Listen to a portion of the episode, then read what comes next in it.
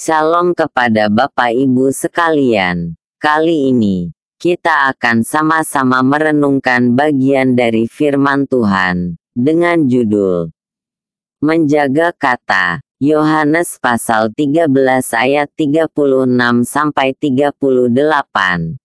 Pernahkah Anda menghitung berapa jumlah kata yang Anda ucapkan setiap hari? Apakah setiap kata itu bermanfaat bagi kehidupan? Sejujurnya, banyak kata terucap dari mulut kita tanpa kita sadari dampaknya. Kata-kata begitu saja meluncur dari mulut tanpa kita kontrol. Cepat berkata-kata sudah menjadi kecenderungan manusia. Demikianlah kita bisa bercermin dari pernyataan Simon Petrus kepada Yesus. Keinginan Petrus untuk mengikut Yesus terlihat begitu kuat. Semangat Petrus untuk melayani memang luar biasa, dan tentu saja itu baik.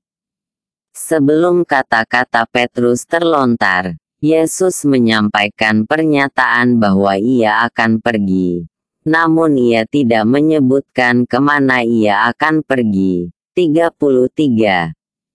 Petrus yang kritis dan berani, bertanya ke mana Yesus akan pergi. 35. Jawaban Yesus menegaskan bahwa tempat tujuannya tidak perlu para murid ketahui, sebab para murid tidak mungkin mengikutinya sekarang. Ungkapan sekarang menunjuk soal waktu bukan para murid sama sekali tidak boleh mengikut Yesus. Petrus tampaknya kurang sabar. Ia ingin mengikuti Yesus mulai dari sekarang. Petrus mengatakan akan mengikuti ke mana pun Yesus pergi, bahkan dengan mengorbankan nyawa 36-37.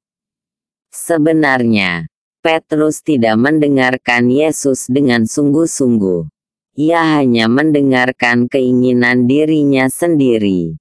Itu sebabnya Yesus menegur dengan keras dengan mengatakan akan penyangkalan yang tidak lama lagi justru akan dilakukan Petrus.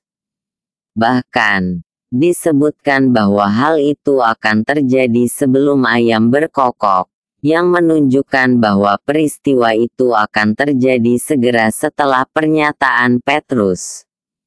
Pengalaman Petrus mengingatkan kita bahwa bersemangat mengikut Tuhan sangat penting dan baik. Tetapi, semangat itu tidak dilontarkan dalam kata-kata yang cepat kita ucapkan tanpa pemahaman lebih dalam. Kata-kata yang kita sampaikan sepatutnya seturut dengan tindakan kita, tanpa kesesuaian dengan tindakan Perkataan justru kerap menghancurkan kita sendiri karena tidak dapat kita pertanggungjawabkan.